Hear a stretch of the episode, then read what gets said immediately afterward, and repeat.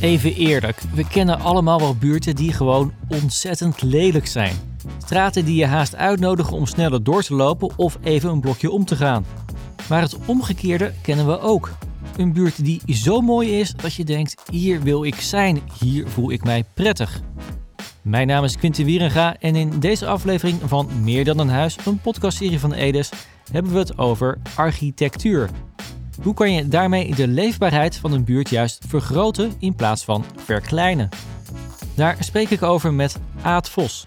Hij is architect en oprichter van Includi, een internationaal ontwerpbureau dat plekken ontwerpt waar iedereen zich thuis moet voelen. En met Franke Wassenberg van Platform 31, waar hij werkt aan oplossingen voor de woningmarkt.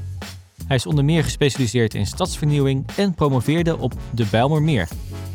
Met Aad Vos heb ik afgesproken in de bibliotheek van Alphen aan de Rijn, waar hij samen met Mars interieurarchitecten tekende voor de binnenkant van het gebouw. We staan bovenaan vlak naast de brede centrale trap die speels omhoog loopt. Beneden zien we de hoge boog van de grote entree. We zien een drietal huisjes, een bar, loungeplekken, op de eerste verdieping zelfs een groot vogelnest waar je kan zitten. En veel hout en veel groen. Het is een warme, gezellige plek. En ik vraag hem wat hij nu ziet gebeuren. Nou, mensen verblijven hier. Ik, uh, daar zit iemand uh, gezellig op een bank. Uh, die leest een, op zijn dode akkertje een krant. Heeft zijn jas uitgedaan. Daarnaast gaat iemand zitten die ook net een jas uit doet. Een wat oudere heer. En ehm, nou, ik denk dat hij nu op zoek gaat naar een, ook wel een krantje of zo. Ehm, er zijn een aantal meiden daar aan het overleggen. Dat ziet eruit als iets van een, uh, van een werkstuk voor school. Daarachter zit iemand die al wat ouder is, een student. Die is uh, in diepe concentratie uh, verzonken. Die kijkt nu echt naar zijn beeldscherm. Want klopt het werkelijk wat ik daar zie? Nou, eigenlijk een groot aantal mensen die hier echt wel langer zijn dan een minuut of tien. Dat klopt ook. Ik was zelf al wat eerder in de bibliotheek. En naast mij kwam een groep tienermeiden zitten om de laatste roddels te bespreken. Het is meer een huiskamer dan een plek waar je alleen komt om een boek te lenen. In de ontwerpen van Aad Vos is één ding altijd erg belangrijk. Zet de gebruiker centraal. Maar hoe komt hij erachter wat de gebruiker wil? Door met de gebruiker te praten. En door met uh, rechtstreeks of indirect hè, met die gebruiker te praten. We kunnen natuurlijk niet, als wij zo'n plek vormgeven, uh, iedereen aan Alphen spreken. Maar we kunnen wel met mensen spreken die uh, weer met hen spreken. En we hebben een ontwerpmethodiek eigenlijk in onze club ontwikkeld. Die heel sterk gebruik maakt van die lokale kennis. We ontwerpen ook niet in ons kantoor. We ontwerpen ook echt hier. We zijn, uh, uh, voordat uh, dit gebouw stond natuurlijk nog niet, toen we aan het ontwerpen waren. Waren wel in Alphen. slapen we hier ook en eten we hier ook. En dan praten we ook met, nou, met de lokale bevolking, zodat we echt een beeld krijgen van wat het, hoe functioneert het hier nou. En... Um, en ook de, bijvoorbeeld de medewerkers van de bibliotheek. Dus uh, nog een klein uh, archief wat je daar uh, ziet.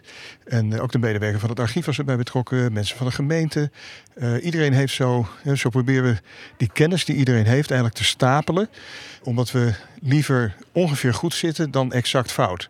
als je zelf denkt dat je het weet, nou, dan is de kans dat je exact fout zit heel erg groot. En wij hebben geleerd dat het heel, ja, heel, heel verrijkend is om zoveel mogelijk mensen te spreken en vragen te stellen. En je open te stellen, je kwetsbaar op te stellen om reacties te krijgen op je werk. Want daar wordt het uiteindelijk alleen maar beter van. Want weet de gebruiker het beter dan de architect? Dat de gebruiker weet wat hij nodig heeft. En de architect die, uh, die kan daar vorm aan geven. Dat is zijn vak. Maar architecten die denken dat ze weten hoe het werkt, die, uh, daar heb ik niet zoveel meer mee.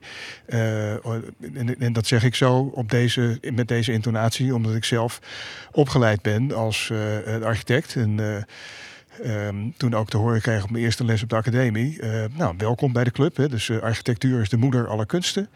En uh, je behoort bij de Happy Few. Um, en nou, je gaat mede vormgeven aan de wereld. Dat is ook wel zo. Je, hè, je geeft er vorm aan, maar met welk doel? En het heeft me toch wel, denk ik, een jaar of 25 gekost voor ik erachter kwam dat dat doel niet de architectuur is. Zeker niet in publieke ruimte. maar dat dat doel gewoon een stuk gebruiks gereedschap maken. Hè, voor uh, in dit geval deze mensen die we net beschreven. Die hier gewoon zitten te genieten van iets dat gemaakt is met onder andere ook hun geld. Aad Vos duikt dus letterlijk in de omgeving als hij iets gaat ontwerpen. Hij boekt er een hotel en praat met de mensen. Dat ging heel anders bij een van de meest roemruchte woningbouwprojecten uit de Nederlandse geschiedenis, de Bijlmermeer. Daar vrezen vanaf eind jaren 60 enorme flats met in totaal 13.000 woningen. Wat jaren later voerde de Bijlmermeer alle slechte lijstjes aan. Hoge leegstand, hoge werkeloosheid, groot gevoel van de onveiligheid. Echt een buurt waar je als buitenstaander niet wilde komen. Met de wijsheid van nu is het verleidelijk om te denken dat er helemaal niet goed over de Bijlmer is nagedacht. Frank Wassenberg deed jarenlang onderzoek naar de Bijlmermeer en zegt dat schijn hier bedriegt. En toch is die, toen die gebouwd werd, toen die ontworpen werd in de jaren 60 en eind jaren 60, begin 70 is die gebouwd, werd die met de beste bedoelingen gebouwd. Er is ontzettend goed over nagedacht. Uh, met hele teams van ontwerpers zijn de ideale woningen bedacht. Uh, met de ideale uh, afmetingen, met de, de, de, heel goed over nagedacht. En het idee daarvan was, ook in Amsterdam, wij hebben van die prachtige woningen gebouwd. Waar al die toeristen en die stedenbouwkundigen naar komen kijken in de Gouden Eeuw, de, de grachtengordel. Nou, wat later gebeurde dat met plan Berlage in Amsterdam-Zuid. Nog later na de oorlog van Eesteren, Amsterdam-West. Allemaal voorbeelden waarvan Amsterdam dacht van wij zijn een voorloper in Nederland en in de wereld. Uh, wij, gaan dat, wij gaan dat prachtig doen. Wij gaan het herhalen in de Belmermeer, eind jaren 60, grote woningnood in die tijd.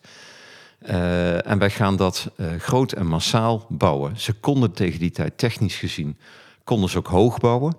dus er werd de ideale woning in de ideale flatgebouw. Ze zijn allemaal, zoals ze toen ontworpen werden, allemaal tien hoog. Allemaal lekker lang, dus daar kon de hijskraan gewoon doorrijden. Allemaal eigenlijk dezelfde woningen. Bijna allemaal uh, de, volgens dezelfde formaat vormgegeven. En dat 13.000 keer bij elkaar. En ook wat ze toen zeiden, niet meer wat toen nog wel eens gebruikelijk was, een flat en een straatje verderop een rijtje in gezinswoningen. Een beetje menging. Ehm, daar zei ze van, we gaan massaal alleen hoogbouw bouwen en niet meer van die van die ander type, in gezinswoningen zo en andere afwijkende types. Alleen maar hoogbouw in grote hoeveelheden.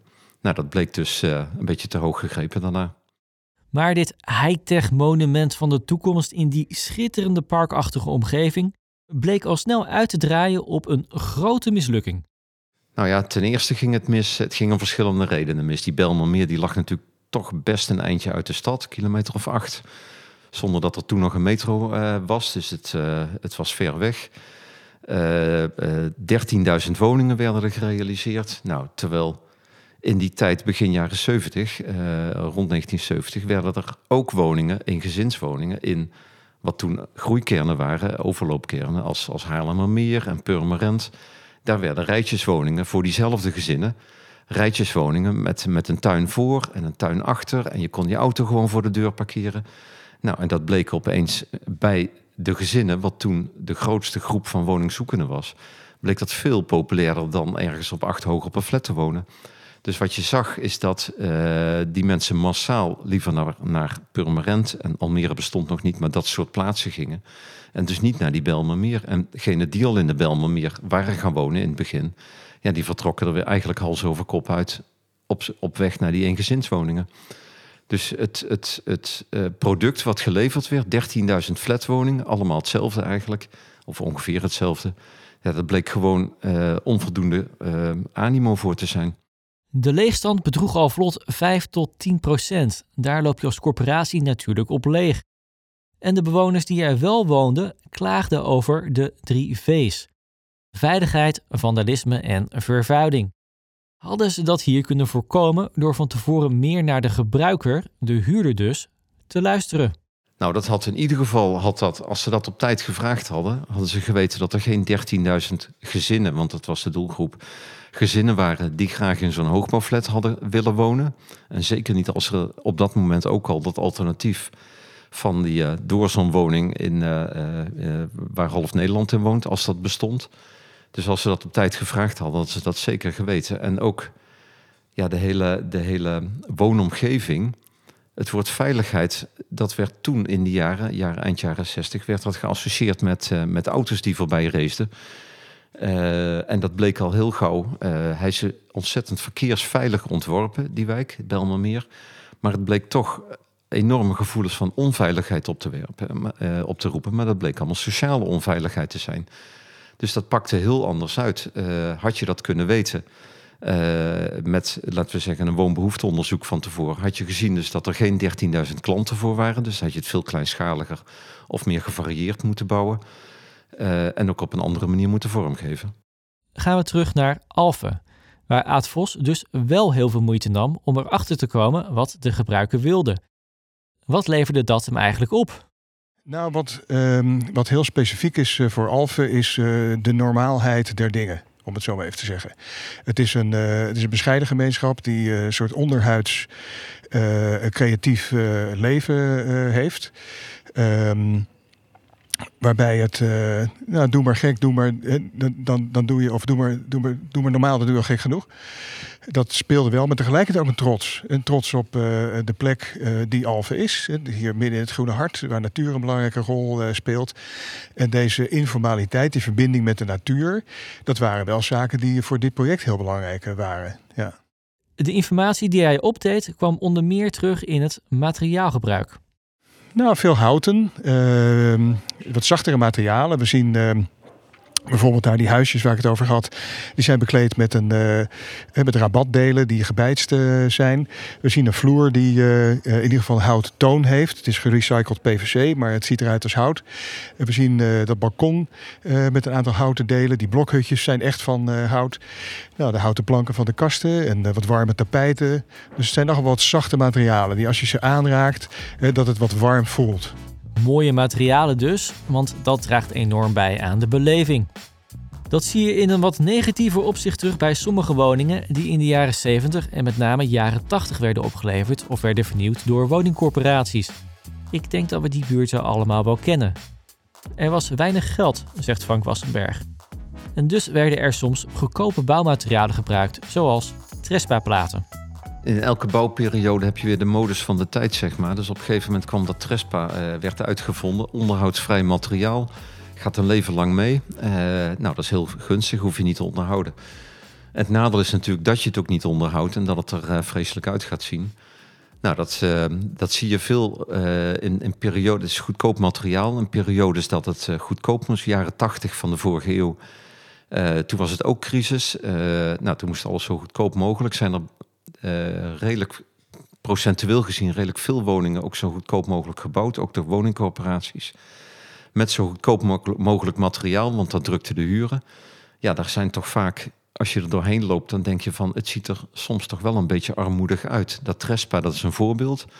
Ja, dat, dat, uh, je timmert er tegenaan en het, het gaat nog wel, maar tien jaar later en zeker dertig jaar later. Het ziet er toch een beetje, een beetje verwaarloosd, groene uitslag. Uh, het zit vaak onder, onder dakranden, dus je kunt er ook moeilijk bij. Bewoners kunnen het ook zelf niet schoonmaken, daarvoor zit het weer te hoog. Dus het, het, maakt, het maakt straten vaak wel een beetje armoedig. Nou, dat is dan één voorbeeld, dat Trespa. Maar ook andere voorbeelden, ja, dat er, dat uh, laten we zeggen, goedkoop ogende bakstenen zijn gebruikt. En dan straten van, uh, zolang als je kan kijken, uh, één rij met, met woningen. Ja, en dan denk je een beetje variatie was toch wel prettig geweest in, in dat soort straten. Ja, want het heeft dan een goedkope uitstraling. Uh, het valt misschien ook wel te begrijpen als je weinig geld hebt uh, voor woningbouw, dan moet je ergens op bezuinigen. Maar kan je dan zeggen dat goedkoop uiteindelijk ook duurkoop is? Ja, soms wel. Um, dat denk ik van als het, als het te goed. En natuurlijk, als je duurdere materialen gebruikt, dan wordt je, dan, dan wordt je huis duurder. En dan is, laten we zeggen, dan is het risico dat het in de huren terugkomt. En als jij weinig te besteden hebt, is dat een probleem. Maar ja, je moet je toch als corporatie afvragen. Als jij straten vol zo goedkoop mogelijke woningen hebt. Uh, nog even los van onderhoudsproblemen, wat waarschijnlijk duurder gaat worden op termijn. Maar of dat nou heel toekomstbestendig is, dat het er zo uh, ja, sober en pover uitziet. Technisch gezien zijn de meeste woningen in Nederland best aardig. Dat blijkt ook uh, die kwalitatieve woningonderzoeken die uh, tegenwoordig niet meer, maar tot een aantal jaren terug nog werden gehouden. Um, Maar ja, ik, ik denk toch van af en toe een beetje, beetje iets van allure in ook een goedkope buurt. In een goedkope buurt mogen ook best, best kwalitatief mooie elementen zitten. Wil niet zeggen dat alle woningen eruit moeten zien als een villa.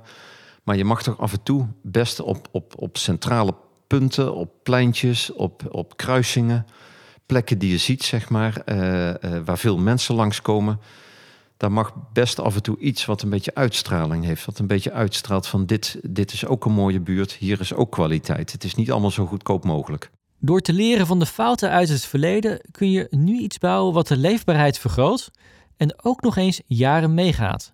De principes die Aad Vos bij de bibliotheek toepaste, kunnen ook voor een straat of hele buurt gelden. En hij geeft zijn belangrijkste tip voor de ontwerpfase. Ga je eens een half jaar in die wijk wonen. Of het laat het ontwerpproces gewoon in die wijk uh, plaatsvinden. En ontwerp dat soort processen aan een ronde tafel. Hè, waarbij uh, uh, de, de, de wijkbewoners ook welkom zijn. En denk niet dat je het weet. In goed Nederlands, assumption is the mother of all fuck-ups. Ik denk echt dat het zo is als, als wij als ontwerpers denken dat we weten hoe we mensen kunnen sturen met onze gebouwen, dan gaan we aan een heel belangrijk aspect voorbij. Dat is de eigen wil van die mensen zelf.